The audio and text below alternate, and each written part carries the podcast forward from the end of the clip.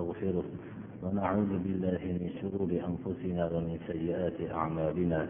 من يهده الله فلا مضل له ومن يضلل فلا هادي له. وأشهد أن لا إله إلا الله وحده لا شريك له وأشهد أن محمدا عبده ورسوله. أما بعد السلام عليكم ورحمة الله وبركاته. alloh subhanahu va taologa hamdlar bo'lsinki mana juma kunidagi qur'oni karimdan bo'layotgan darslarimizda birinchi darsimizda ko'pchilik mayda suralarni bilganligini hisobga olib avvalda oxirgi ikki juz qismni dars qilib o'tgan bo'ldik. Undan keyin darsimizni avvaldan boshlab suray baqaradan boshlab suray baqara va suray niso va shundan keyin sura moidani ham dars qilib o'rgangan bo'ldik. Avvalgi darsimizda sura moida bizga dars bo'lib o'tgan bo'ldi. Alloh subhanahu va taoloning madadi bilan inshaalloh bugungi kunda boshlab sura anom surasini dars qilib inshaalloh o'rganamiz. Sura anom biz shuni bilmoqligimiz kerakki qur'oni karimdagi nozil bo'lgan suralar oyatlar ba'zilari janobi rasululloh sollallohu alayhi vasallam makkada turganliklarida nozil bo'lgan. Ba'zilari madina munavvarada turganlarida nozil bo'lgan. Makkadagi taqriban turgan o'n uch yil davrida nozil bo'lgan oyatlar bir mavzu o'zgarmas mavzuni ba'zi bir tafsilotlar bo'lsa ham asosiy qaratilingan mavzu aqida mavzusiga qaratilgan. Aqida mavzusi o'n uch yil takror qilinishligini talab qildi. Bir mavzuda ya'ni ulug'iyat va ubudiyat ma'nosini tushunishlik inson birinchi o'ziga suol qilishlikni islom shu makkiy oyatlarda o'rgatdiki bu oyatlarda turgan ko'rib turgan borliq nima? Bu borliq qanday vujudga kelgan? Bu borliqni kim boshqarib turibdi? Bu borliqdagi turgan insonning o'rni nima? Bu borliqni yaratuvchi bilan borliq o'rtasidagi aloqa qanday davom etyapti? Demak inson ham shu borliqni yaratuvchi zotning maxluqi bo'ladigan bo'lsa inson bilan yaratuvchi o'rtasidagi aloqa qanday bo'lmoqligi kerak? Bu hayot qayerdan keldi? Inson qanday bo'lib bu dunyoga kelib qoldi? Va bu inson qayoqqa qarab ketyapti? Qalbi his qilib turgan ko'ziga ko'rinmayotgan olam nima? Bu olam qanday olam? U olamga borganda bu inson bechora insonning holi nima kechadi? Mana bu savollarni o'ylashlikka har bir insonning qalbini qur'oni karim makkiy oyatlar uni tebratardi yurak torini chertirdi. Qur'oni karimdagi makkada nozil bo'lgan oyatlar insonni ro'barosida borliq va o'zining haqidagi va yashayotgan hayot haqida o'ylashlikka majbur qiladigan oyatlar nozil bo'lardi. Chunki bu haqdagi o'ylash insonning tasavvurini o'zgarmas bir tasavvurga ega qilardi bu tasavvur o'zgarmas tasavvur bo'lgandan keyin u endi hayotdagi o'zining o'rnini topib hayotni qanday o'tkazishlik haqida manhajga tayyor bo'lardi. Ana u endi hayotni qanday o'tkazishlik bo'lgan manhajga tayyor bo'lganda alloh subhanahu va taolo madina munavvarada rasululloh sollallohu alayhi vasallamning atroflariga yig'ilgan kishilar bilan nizom barpo qilganlaridan keyin endi bu manhajning xuddi borliq manhaji o'zgarmaganga o'xshagan insonning manhaji ham o'zgarmas bo'lishligi kerakligini his qilgandan keyin olloh tarafidan manhaj keldi. Ana u manhajga inson o'zi muqayyat bo'ldi. Va qiyomatgacha bo'lgan insonlarga muqayyat bo'lishligidagi namuna zotlar madina munavvarada vujudga keldi. Chunki ular qalblari bilan alloh subhana va taoloning hukmiga tayyor bo'lishgan edilar.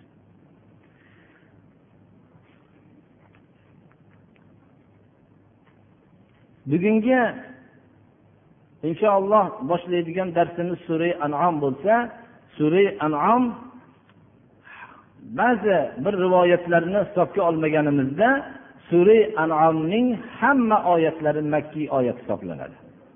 Ba'zi kishilar sura anomdagi ikki oyatni madaniy deb aytishganlar lekin kuchli rivoyatlar shuni ko'rsatadiki bu makkiy oyatlar bo'lishligini. Sura anomdagi yana bir xususiyat shuki rasululloh sollallohu alayhi vasallamga sura anom bir kechada yoppasiga nozil bo'lgan mana bu xususiyat ham sura anomdagi xususiyatlardan سفيان الثوري ليس ليس عن شهر بن حوشب عن أسماء بنت يزيد شو رواية أساسدا أسماء بنت يزيد رواية qilinadiki bu ayol aytadilarki nazalat suratul an'am ala nabiy sollallohu alayhi vasallam jumlatan وأنا آخذ بزمام ناقة النبي صلى الله عليه وسلم إن كادت من ثقلها لتكسر عظام الناقة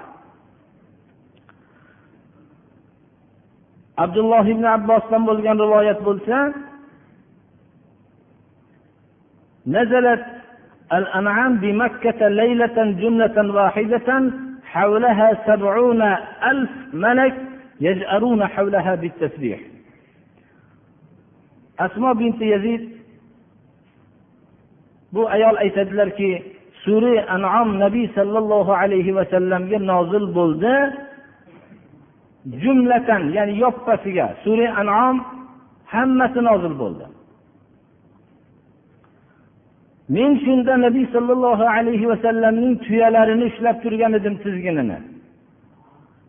Vahiy nozil bo'layotganda sura anom nozil bo'lganda go'yo vahiyning og'irligidan tuyaning suyaklari sinishlikka yaqin bo'lib ketdi deydilar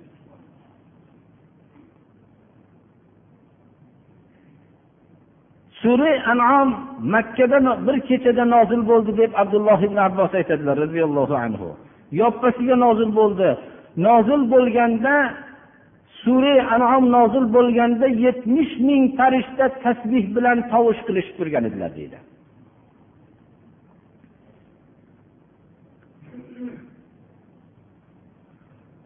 Sura anomdagi hali aytib o'tganimizdek oyatlar makkiy oyatlarga taalluqli bo'lgan oyatlar bilan bog'lanadi. Yakka ulug'iyatga bo'lgan da'vat ubudiyatning qanday bo'lishligi ollohning qudratlari va risolatning rasululloh sollallohu alayhi vasallamga bo'lganligini haqligi bayoni mana shu narsalarni o'z ichiga oladi sura anom استعيذ بالله الحمد لله الذي خلق السماوات والارض وجعل الظلمات والنور ثم الذين كفروا بربهم يعدلون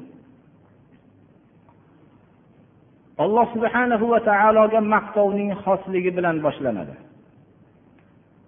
maqtovning xos bo'lishligiga sabab bo'lgan ne'matlardan ba'zilarini zikr qilinishlik bilan boshlanadi Koinotlarni yaratgan va yerni yaratgan ollohga maqtov xosdir. Ha maqtovni xos bo'lgan zot yaratuvchi bo'lmoqligi kerak. Yaratuvchi bo'lmagan narsa maqtalinishlikka yaramaydi. Yaratishlik alloh subhanahu va taologa xos. Demak maqtov ham alloh subhanahu va taologa xos bo'lmoqligi kerak إن الذين تدعون من دون الله لن يخلقوا ذبابا ولو اجتمعوا له ollohni qo'yib boshqaga sig'inyapsizlar xoh inson xoh daraxt xoh tog' xoh oy xoh yulduz xoh mozor sizlar sig'inyapsizlar bu sig'inayotgan narsalar go'ng yeyayotgan pashshani ham yaratolmaydi hargiz Qiyomatgacha hammasi to'plansa ham bir qora pashshani najas yeydigan pashshani ham yaratolmaydi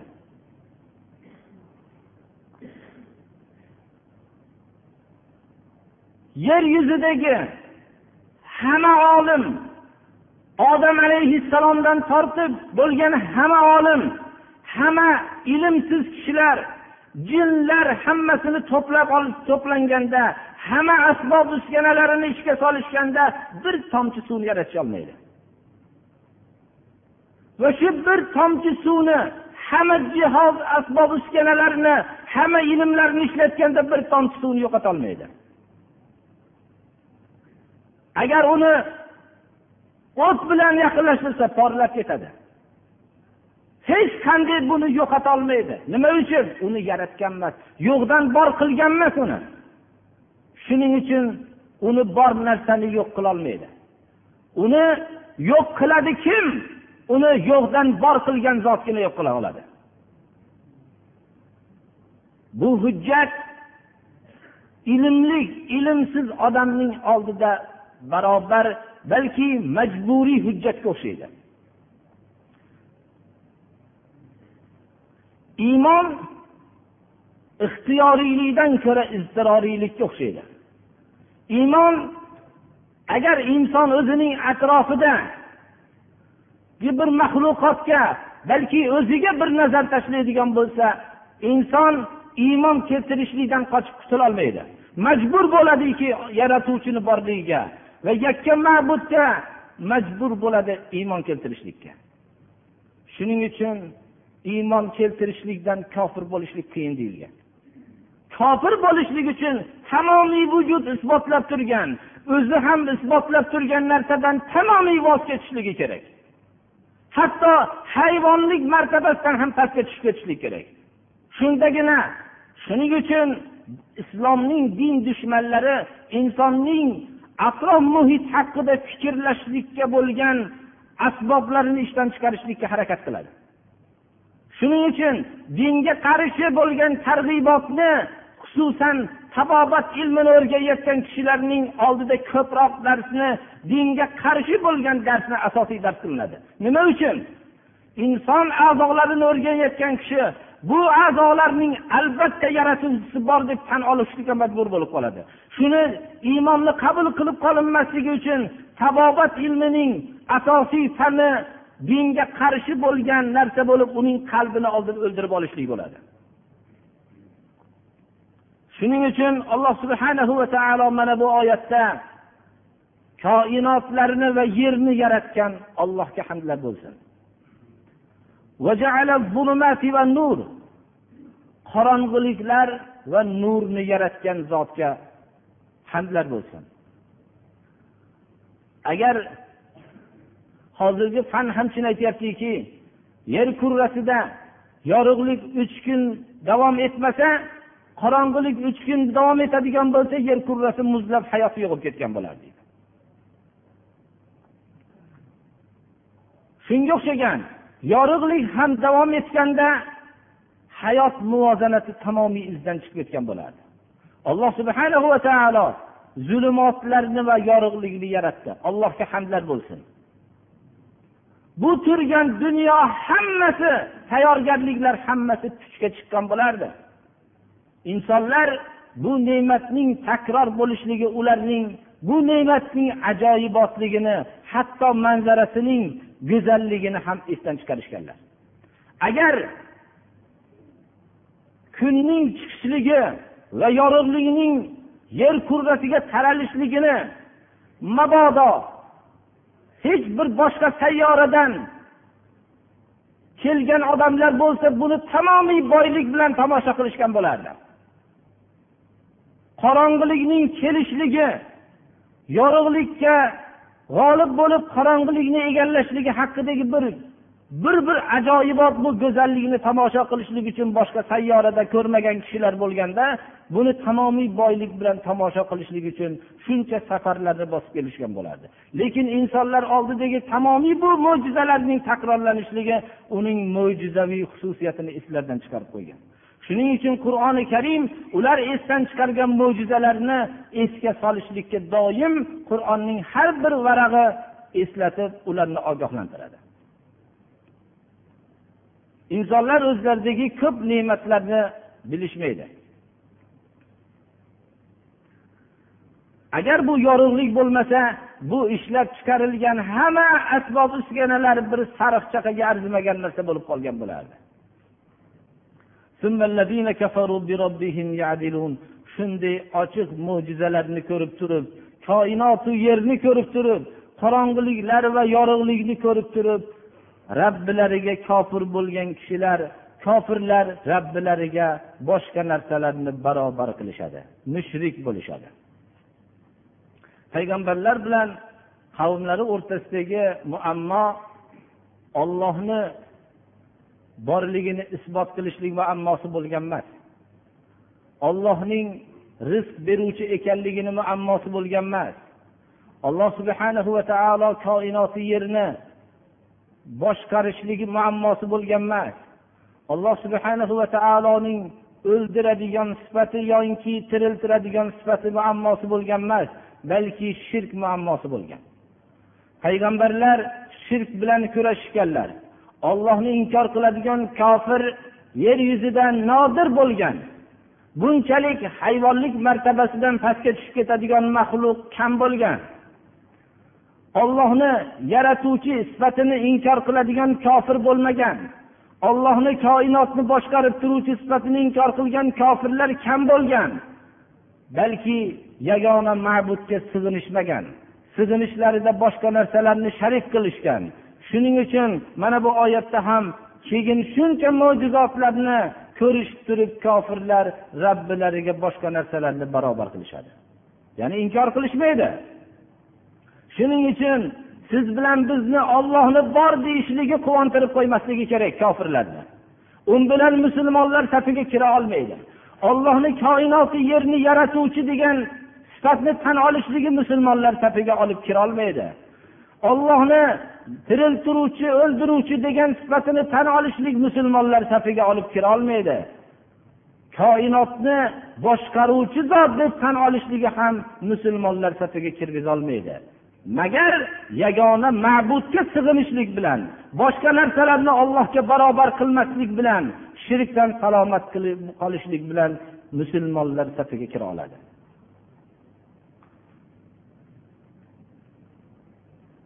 هو الذي خلقكم من طين ثم قضى أجله وأجل مسمى عنده ثم أنتم تمترون alloh subhanahu va taolo insonlarning yaratilishligini bu o'rinda loydan bo'lganligini bayon qilyapti.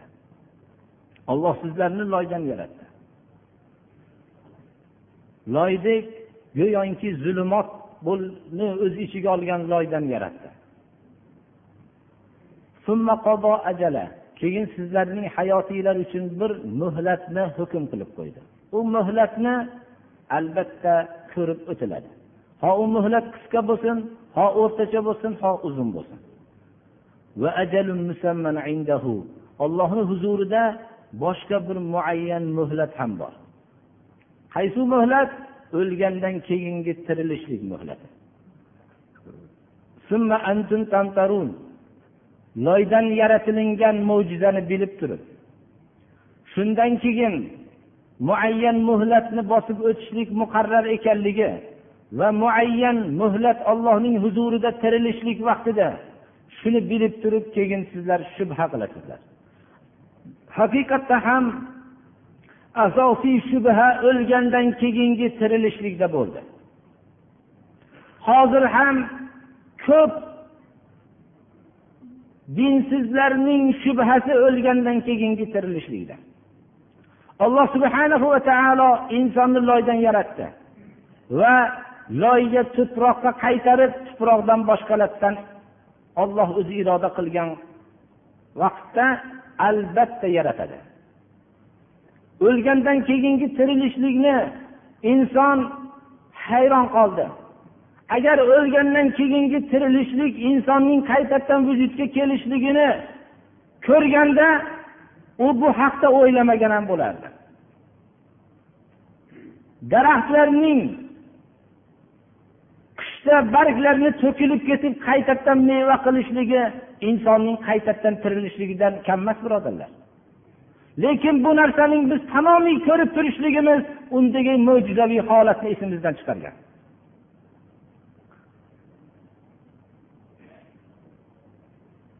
Ro'baro'yimizdagi hayotning davom etib turishligi insonning asli tug'ilishlik mo'jizasi ham insonning qaytadan tirilishligidan mo'jizasidan kam emas birodarlar. Agar insonning tug'ilishligini ko'rmaganda shu bir tomchi suvdan inson vujudga keladi desa xuddi o'lgandan keyingi tirilishlikni inkor qilgandek inkor qilgan bo'lardi. Alloh subhanahu va taolo o'lgandan keyingi tirilishlik muqarrar ekanligini bizga bayon qildi. Biz iymon keltiramiz. Bu narsa hech qanday bir ollohga qiyin emas deb e'tiqod qilamiz. Bunda shubha qilishlik o'zi asli insonning nihoyatda bir aqlini zaifligidir.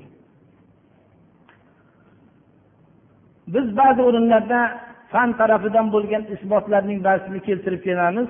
Bu narsa bir zaif iymonli bo'lgan kishilarning ham anglab qolishligi uchun. Hozirgi vaqtda mana shu narsa isbot bo'lyaptiki insonning hamma a'zosi chirib suvaylari chirib undagi javhar ya'ni oxirgi umurtqaning oxirgi qismidagi javhar bu narsa hech qanday o'zgarmasdan saqlab qolinishligini fan ham isbot qilyapti. Bu insonning er kishining pushti hisoblanadi. Mana shu shu a'zoning salomat qolishligini fan ham isbot qilyapti. Fan isbot qilishligidan bir ming to'rt yuz yil ilgari rasululloh sollallohu alayhi vasallamdan imom buxoriy bu narsani rivoyat qilganlar. Imom buxoriy rivoyatlarida insonning shu umurtqasining oxirgi qismidagi narsaning qolishligini payg'ambarimiz sollallohu alayhi vasallamdan rivoyat qilib o'zlarining jomi sahiylarida keltirganlar biz buning avvalgi darslarimizda biz bayon qilib o'tganmiz bu narsani. Bunda shubha qilishlikka hech bir o'rin bo'ladigan joy emas.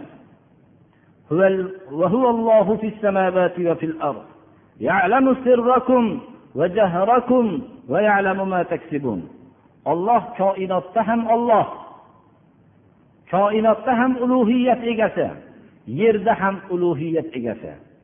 Sizlarning sir va oshkor ishinglarni hammasini biladi va sizlarning qilib turgan ishinglarni biladi. Insonning sir ishlari olloh bilib turadi. Uning oshkor ishlarini ham bilib turadi. Inson qilayotgan amallarni ham bilib turadi. Alloh subhana va taolo mana bu oyatda koinotda ham olloh yerda ham olloh bu kalima mana bu koinotda olloh degan haqda mushriklar payg'ambarlar bilan munozara qilishmasdi. Chunki koinoti yerni hammasini olloh yaratgan deb e'tiqod qilishardi. Lekin hayotdagi yo'lni tuzishlikda biz tuzamiz deyishardi. Va mushrik bo'lishardi. Shu bilan mushrik bo'lishdi. Ular ulug'iyat degan ma'noni yaxshi tushunishardi va yerdagi ulug'iyatning o'zlariga nisbatlashardi. Fir'avn yer kurrasini yaratdim degan emas. Fir'avn osmondagi yulduzlarni yaratdim degan emas. Fir'avn o'liklarni tiriltiraman degan emas. Fir'avn tiriklarni o'ldiraman degan emas. Fir'avn koinotni boshqaraman degan emas. Ammo ana robbukumul ala sizlarning oliy robbiylarman degan? Ya'ni men tuzgan yo'lda borasizlar degan. Shu bilan xudolik davosini qilgan. Agar bir kishi yerda o'zining hayot yo'lini shu yo'ldan borasizlar desa u ana robbukumul ala deyishlikdan farqi yo'qdir. Mana bu oyat olloh koinotda ham olloh bunda mushriklar munozara qilgan emas. Koinotni yaratuvchi olloh ekanligini tan olishgan.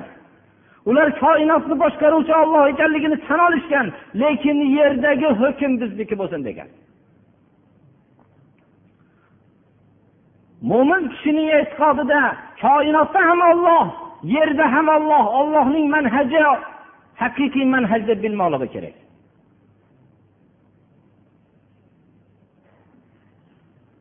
Inson bu vaqtda ichida boshqa narsalarni bekitadi. Olloh sizlarning ichinglardagi bekitgan narsani bilib turadi. Oshkor ishinglarni ham bilib turadi. Olloh sizlar qilayotgan amalni ham bilib turadi.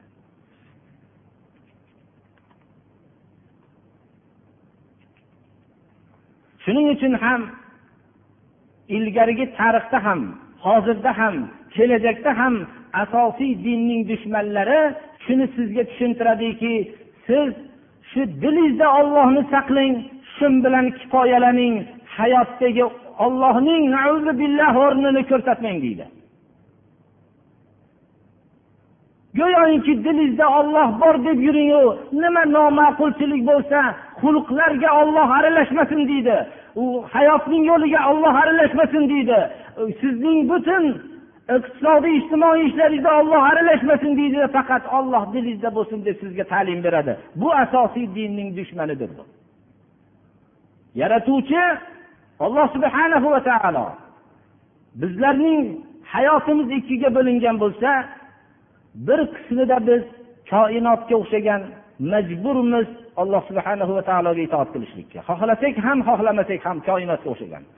Koinot xohlasa ham xohlamasa ham ollohning nizomidan tashqariga chiqolmaydi bizning a'zolarimiz ham xohlasak ham xohlamasak ollohning ko'rsatmasidan tashqariga chiqolmaydi biz bu sohada koinot bilan mushtarakmiz. Ko'zimiz bilan xohlasak ham xohlamasak ham ko'ramiz. Bugun bir yildan beri ko'zim bilan ko'rib charchadim qulog'im bilan bu yilda ko'ray deyolmaymiz xohlasak ham xohlamasak ham qulog'imiz bilan eshitamiz. Bir yil charchadim bu qulog'im bilan eshitib bir qulog'im bilan endi bir ovqatlanay deyolmaymiz birodarlar. Og'zimizni ovqatlanish ollohning nizomiga bo'ysunadi. Hazm bo'lish ollohning nizomiga bo'ysunadi. Tug'ilish ollohning nizomiga bo'ysunadi. Yashash hammasi ollohning nizomiga bo'ysunadi. A'zolar hammasi ollohning nizomiga bo'ysunadi. Bunda biz koinotdan turgan toshdan farqimiz yo'q. Tosh bilan biz barobarmiz daraxt bilan barobarmiz ular ham ollohning qonuniyatidan tashqariga chiqolmaydi. Ammo olloh bizni mukarram qildi. Hamma mavjudotga bermagan narsani berdi. Bu ixtiyor edi. Bu juz'iy ixtiyor edi. Yaxshilik yomonlikni tanlab olishligida xohlasak yaxshilikni qilishligida xohlamasak bu yomonlikni qilishligida bu narsada bizni ixtiyorlik qilib qo'ydi. Yaxshilik yomonlikni nima ekanligini ko'rsatib qo'ydi. Qilishlikka bizga olloh ixtiyor berib qudrat berdi. Bizni olloh mukarram qildi mana bu narsa bilan. Haqiqatda ham mukarrammizki boshqa bir toshni qayerga qo'ysa shu yerda turaveradi. Inson unda emas. Insonda juziy ixtiyor berdi. Bu ixtiyor bilan mukarram bo'ldi. Endi u yaxshiliklarni tanlab oladigan insonga aylandi. U mukarram bo'ldi. Endi badbaxtlik ming ming badbaxtlikki shu mukarram bo'lgan sifat bilan badbaxt bo'lishlik. Shu bilan olloh man qilgan narsalarni ixtiyor bilan qilishlik bu ming ming badbaxtlikdir bu. Asli biz shu sifat bilan ulug' edik bu sifat bilan olloh bergan ulug' sifat bilan biz ollohning buyruqlarini qilishligimiz kerak edi. Mana shu sifat bilan biz badbaxt bo'lishligimiz bu nihoyat darajada sharmandalikdir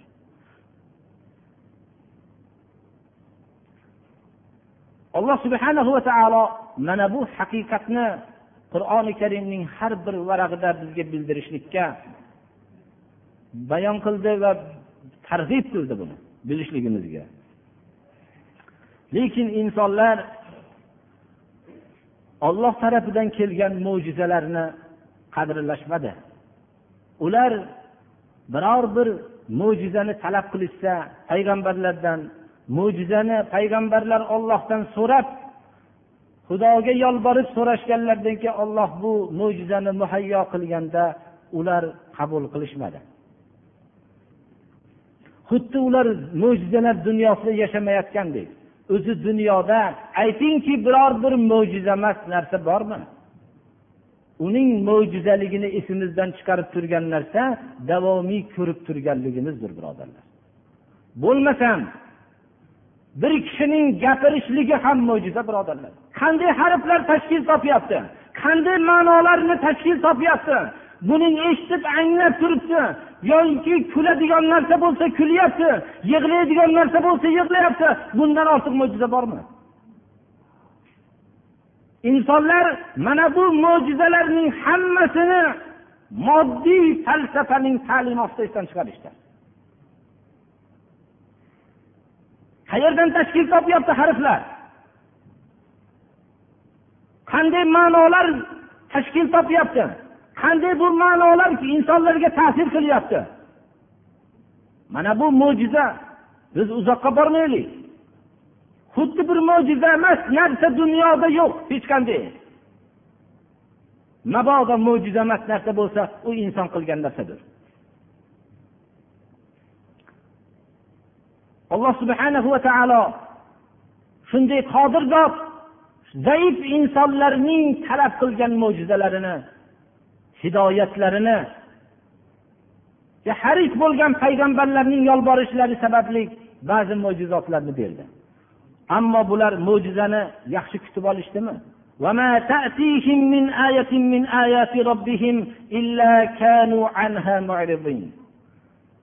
ularga robbilarining mo'jizalaridan. Biror bir mo'jiza kelsa qaysi bir mo'jiza kelsa ular bundan yuz o'girishdi ha bu sehr bu. Bu bizni aldayapti deb ketishaverdi.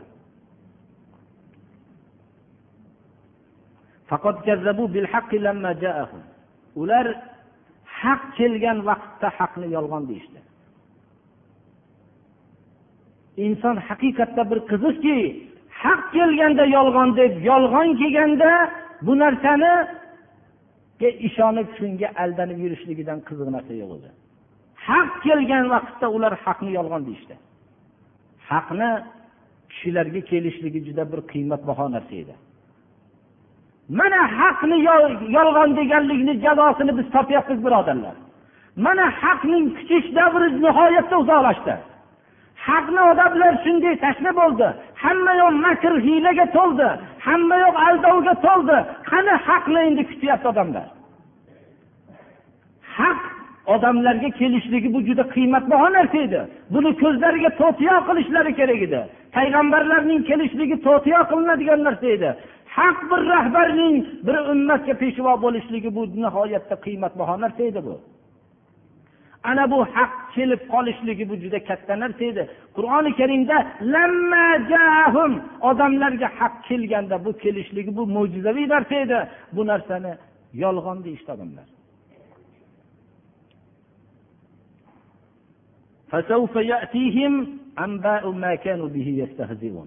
Bular dunyoda masxara qiladigan narsa qolmasdan haq qoldimi?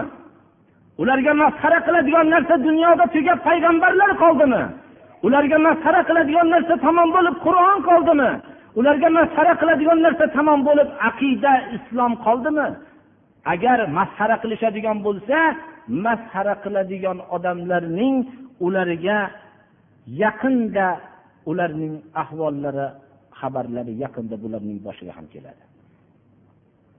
Ana o'tgan payg'ambarlarning masxara qilganlarga alloh subhana va taolo ba'zilarini yerga yuttirib yubordi. Ba'zilarini shamol bilan halok qildi. Ba'zilarining hammasini shunday qatirib toshga o'xshagan jasadga aylantirib tashladi. Ba'zilarini alloh subhana va taolo har xil balolar ochlik bilan jazoladi. Ba'zilariga tamomiy balolarning baqa balosini berdi chigirtka balosini berdi. Chigirtka yubordiki tamomiy olamdagi narsani yeb tashladi alloh subhana va taolo o'zining haq payg'ambarlarini haq yo'llarni masxara qilganlarning xabarlari ahvollari bularga ham keladi. Ba'zilarni alloh subhana va taolo bir birlariga dushman qilib tashladi. Ba'zilarini ba'zilarini azobini bir biriga tattirdi. Azoblarning dushmanlar tarafidan qilmasdan bir birlarini azoblaydigan qilib tashladi. Ba'zilariga rahm qilmaydiganlarni rahbar qilib qo'ydi shu bilan qaqshatqich zarba berib ularning xorlab azob berdi. Mana bu narsa hammalari haqning masxara qilishlik mukofotini olishdi.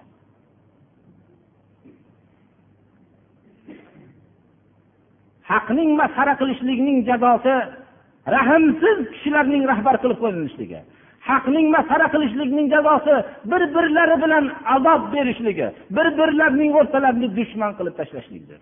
Mana bu azoblarni islom ummati yer kurrasida tortyapti hozir. Ular haqni masxara qilganligini jazosini olishyapti. Qur'on shunday deyapti.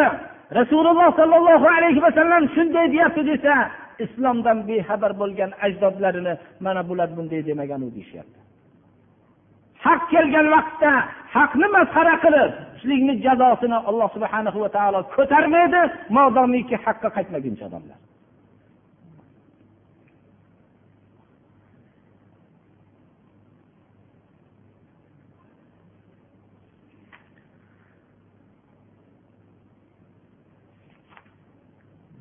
ألم يروا كم أهلكنا من قبلهم من قرن مكناهم في الأرض ما لم نمكن لكم وأرسلنا السماء عليهم مدرارا وجعلنا الأنهار تجري من تحتهم فأهلكناهم بذنوبهم وأنشأنا من بعدهم قرنا آخرين.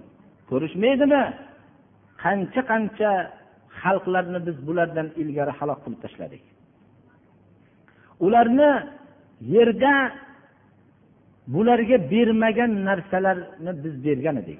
Bularga imkon bularni imkoniyatlantirmagan narsalar bilan imkoniyatlantirgan edik. Bu qurayshda janobi rasululloh sollallohu alayhi vasallamning masxara qilayotgan qurayshda yo'q edi. Ular juda qudratli edi. Ot samud qabilalari juda qudratli edi. Mana bulardagi bularni halok qilib tashladik. Bulardagi imkoniyat bu qurayshdagi imkoniyatdan ko'proq imkoniyatlar bor edi. Ularga ko'p ne'matlar berib ko'p imkoniyatlar bergan edik. Ularga osmonni tamomiy midroran obodonchilikka sabab bo'ladigan yomg'irlarni ularga tushirib bergan edik. Ular qahatchilik davrini ko'rishmagan edi. Mana bu ne'matlarni berib yana anhorlarning ularning ostlaridan oqizib qo'ygan edik. Mana bu ne'matlarni bilmagandan keyin ularning gunohlari bilan halok qildik. Alloh subhana va taolo bir millatni halok qilmaydi magar gunohi sababli halok qiladi. Balo gunohsiz tushmaydi gunoh sababli tushadi. Qaysi bir ummat boshiga balo kelsa birinchi ollohga yolborsin gunohlariga tavba qilsin. O'zidagi hamma imkoniyatni bu baloning to'sishlikka ishlatib ollohga tavba qilishlik uning asosiy narsasi bo'lsin ulardan keyin boshqa odamlarni biz yaratdikki ular ollohni hukmiga bo'ysunadimi bo'ysunmaydimi imtihon qilishlik uchun. Ostlaridan anhorlar o'tkazdik degan kalima. Jannatda ham ostlaridan anhorlar o'tadi degan bog'larni sifati shunday birodarlar. Anhorlarning o'tishlik ne'mati nihoyatda katta ne'mat. Bu ne'matlarning bizni xalqimiz ham bilmasligi bilan alloh subhana va taolo bu anhorlarni olib qo'ydi ularga. Uni mana bu bu turgan taraqqiyotlar birodarlar agar ollohning balosi kelib qolsa bir sariqchaqaga arzimaydi. Osmonning yomg'irni yog'ib turishligi anhorlarning oqib turishlik ne'matining oldida bu taraqqiyotlar sariq chaqaga arzimasdan turaveradi. Men shu yerda arabiston viloyatida bo'lgan vaqtimda u yerda hech qanday anhorlar va ariqlar yo'qligi hammaga ma'lum shu yerda bir birodarimizdan savol qildim. Shu hamma narsa kahraboga bog'langanligini ko'rib hatto suvlarni tepaga chiqishligi ham kahraboga bog'langan. Mukayiflar sovutgichlar ham kahraboga bog'langan. Yoritgichlar ham kahraboga bog'langan. Uylarning salqin bo'lib turishligi kahraboga bog'langan. Hamma narsa kahraboga bog'langanligini ko'rib bizni o'zimizni diyorimizda kahraboni tez tez o'chib turganligini bilib savol qildimki birodar biror bir marta kahrabo yo'qolib qoladimi sizlarda ham dedim. Desam bundan besh yil muddat ilgari ikki soat muddatda kahrabo yo'qoldi dedi. Nima sodir bo'ldi shunda desam tamomiy qiyomatga o'xshagan holat bo'ldi ikki soatda dedi. Bolalar hammasi faryod qilib turishadi bir joyga bolalarni olib qochadigan joyimiz qolmadi tamomiy issiq bo'lib jaziramada qolib ketdik. Uylardan uylar tamomiy isib ketdi tashqari undan ko'ra durustroq desak tashqari ham issiq lekin ichkari tashqaridan ham issiqroq dedi. Tamomiy olamdagi insonning ixtiro qilgan narsasi sarf chaqa bo'lib qoldi dedi. Qayerga qochishligini biz bilmay qoldik dedi. Shunda bolalarning hammasini bu qayerga bularning faryodini hammasi yo'q chiqib ketdi dedi. Birodarlar alloh subhanahu va taolo sizlarga mana bu mana bu mana bu ne'matlar degan narsani biz qur'oni karimda go'yoki biz hozirgi moddiy bir insonning zaif insonning qilgan taraqqiyoti oldida hech narsa emasdek his qilib qolamiz. Bu ko'rinib turgan narsalarning hammasi osmondan yomg'ir yog'ib turishligi oldida anhorlarning oqib turishligi oldida bir sariq chaqaga ham arzimaydigan narsa qiladi alloh subhana va taoloning mana bu yerda osmondan ularga mamnun bo'ladigan narsalarni biz tushirib yog'ingarchiliklarni serob qilib turdikki ularning obodonchiliklariga sabab bo'ldi. Otlardan anhorlar o'tkazdik degan ne'matini biz qadriga yetishligimiz hammamiz o'zimizning bir moddiy falsafada o'sib qolganligimizning ta'siridir. Ammo alloh subhana va taoloning balosi kelganda bu anhor nimaligini va inaki osmondan bizlarga yomg'irlarning kelib turganligi nima ekanligini anglagan bo'lamiz alloh subhana va taolo shunday balo kelishligidan ilgari anglaydiganlardan qilsin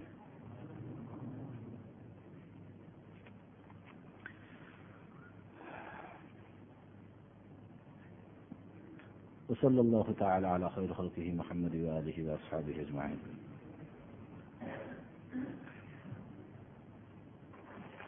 taqvo kalimasi zarur bo'lganligi uchun shu kalimani ko'p yod qildi. Oqibat taqvodorlarniki deb o'zini kitobida yod qildi.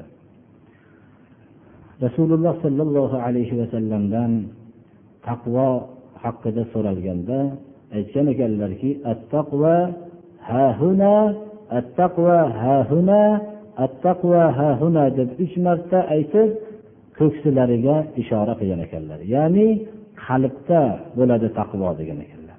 Ya'ni bu narsa shuni ko'rsatadiki insonning qiladigan amali albatta bir ixlos alloh subhana va taoloning rizosini maqsad qilingan bo'lishligi kerakligiga ishora bo'ladi. Agar alloh subhanahu va taoloning rizosi maqsad qilinmagan bo'lsa u ko'rinishda har qancha katta har qancha to'g'ri amal bo'lsa ham u amal habata bo'ladi chunki qur'oni karimda mana bayon qilindi hasr bilan عنده من نعمة تجزى إلا ابتغاء وجه ربه الأعلى alloh subhanahu va taoloning huzurida mukofotlanadigan ne'mat yo'q magar o'zining oliy rabbini rizosini istab qilgan bo'lsagina unga mukofotlanadigan ne'mat bo'ladi deb hasr bilan ifoda qildi. Shuning uchun amalning qabul bo'lishligini sharti birinchi ixlos va rasululloh sollallohu alayhi vasallamga ergashishlik bo'lgan ikkita sifat bo'lmoqligi kerak. Alloh subhanahu va taolo bizlarni ibodatga buyurdi va yaratilishligimizdan bo'lgan asosiy maqsad bizgina emas balki jin toifasini ham yaratilishligidan bo'lgan asl maqsad ibodat dedi. Inson va jin toifasini faqat o'zimgagina ibodat qilishlik uchun yaratdim deb qur'onda yod qildi. Ibodatning ba'zi bir rukunlarini aytib o'tmoqchiman. Hammamiz bilamizki bu besh vaqt namoz o'qishlik ibodat ekanligini bir yilda bir oy ro'za tutishlik ibodat ekanligini molimiz nisobga yetsa zakot berishligini qodir bo'lsak hajga borishligini ibodat ekanligini hammamiz va islomning asosiy asoslari ekanligini hammamiz bilamiz.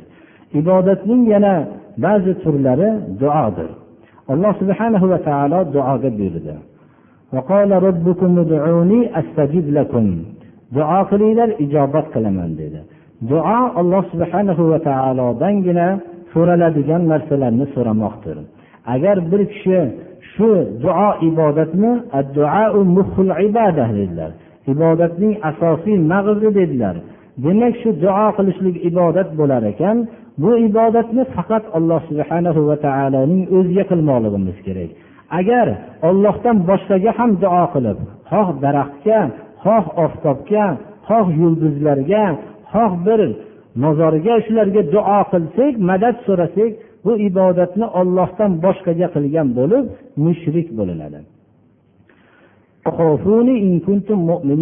Odamlardan qo'rqmanglar mendangina qo'rqinglar agar mo'min bo'lsanglar dedi. Xavf bu ibodatdir. Ollohdangina qo'rqmoqligimiz kerakdir. Agar ollohdan qo'rqmaydigan bo'linsa boshqa bir narsalardan qo'rqish ham lozim kelib inson xor bo'lib va o'zi shirk amaliga qarab ketaveradi. Rajo umid qilishlik ham ibodatdir. Umidni alloh subhana va taoloning o'zidan qilmoqligimiz kerak. Mana robbining rahmatini umid qilishadilar. Umid faqat alloh subhanahu va taolodan bo'lmoqligi kerak. Bir birlarini o'rtasida mo'minlarning o'rtoqlashishligi va o'rtoqlashishligini umid qilishlik bu biz umidni faqat ollohdan qilishlik kerak degan so'zimizga zid emas bu. Qur'oni karimda yaxshi va taqvo ishlarda o'rtoqlashishlikka buyurdi alloh taolo.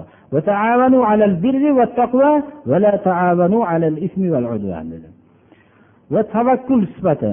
Tavakkul alloh subhanahu va taoloning o'ziga bo'lmoqligi kerak. Ya'ni tavakkul e'timod suyanmoqlik ishonishlik allohni o'ziga ishonmoqligimiz kerak.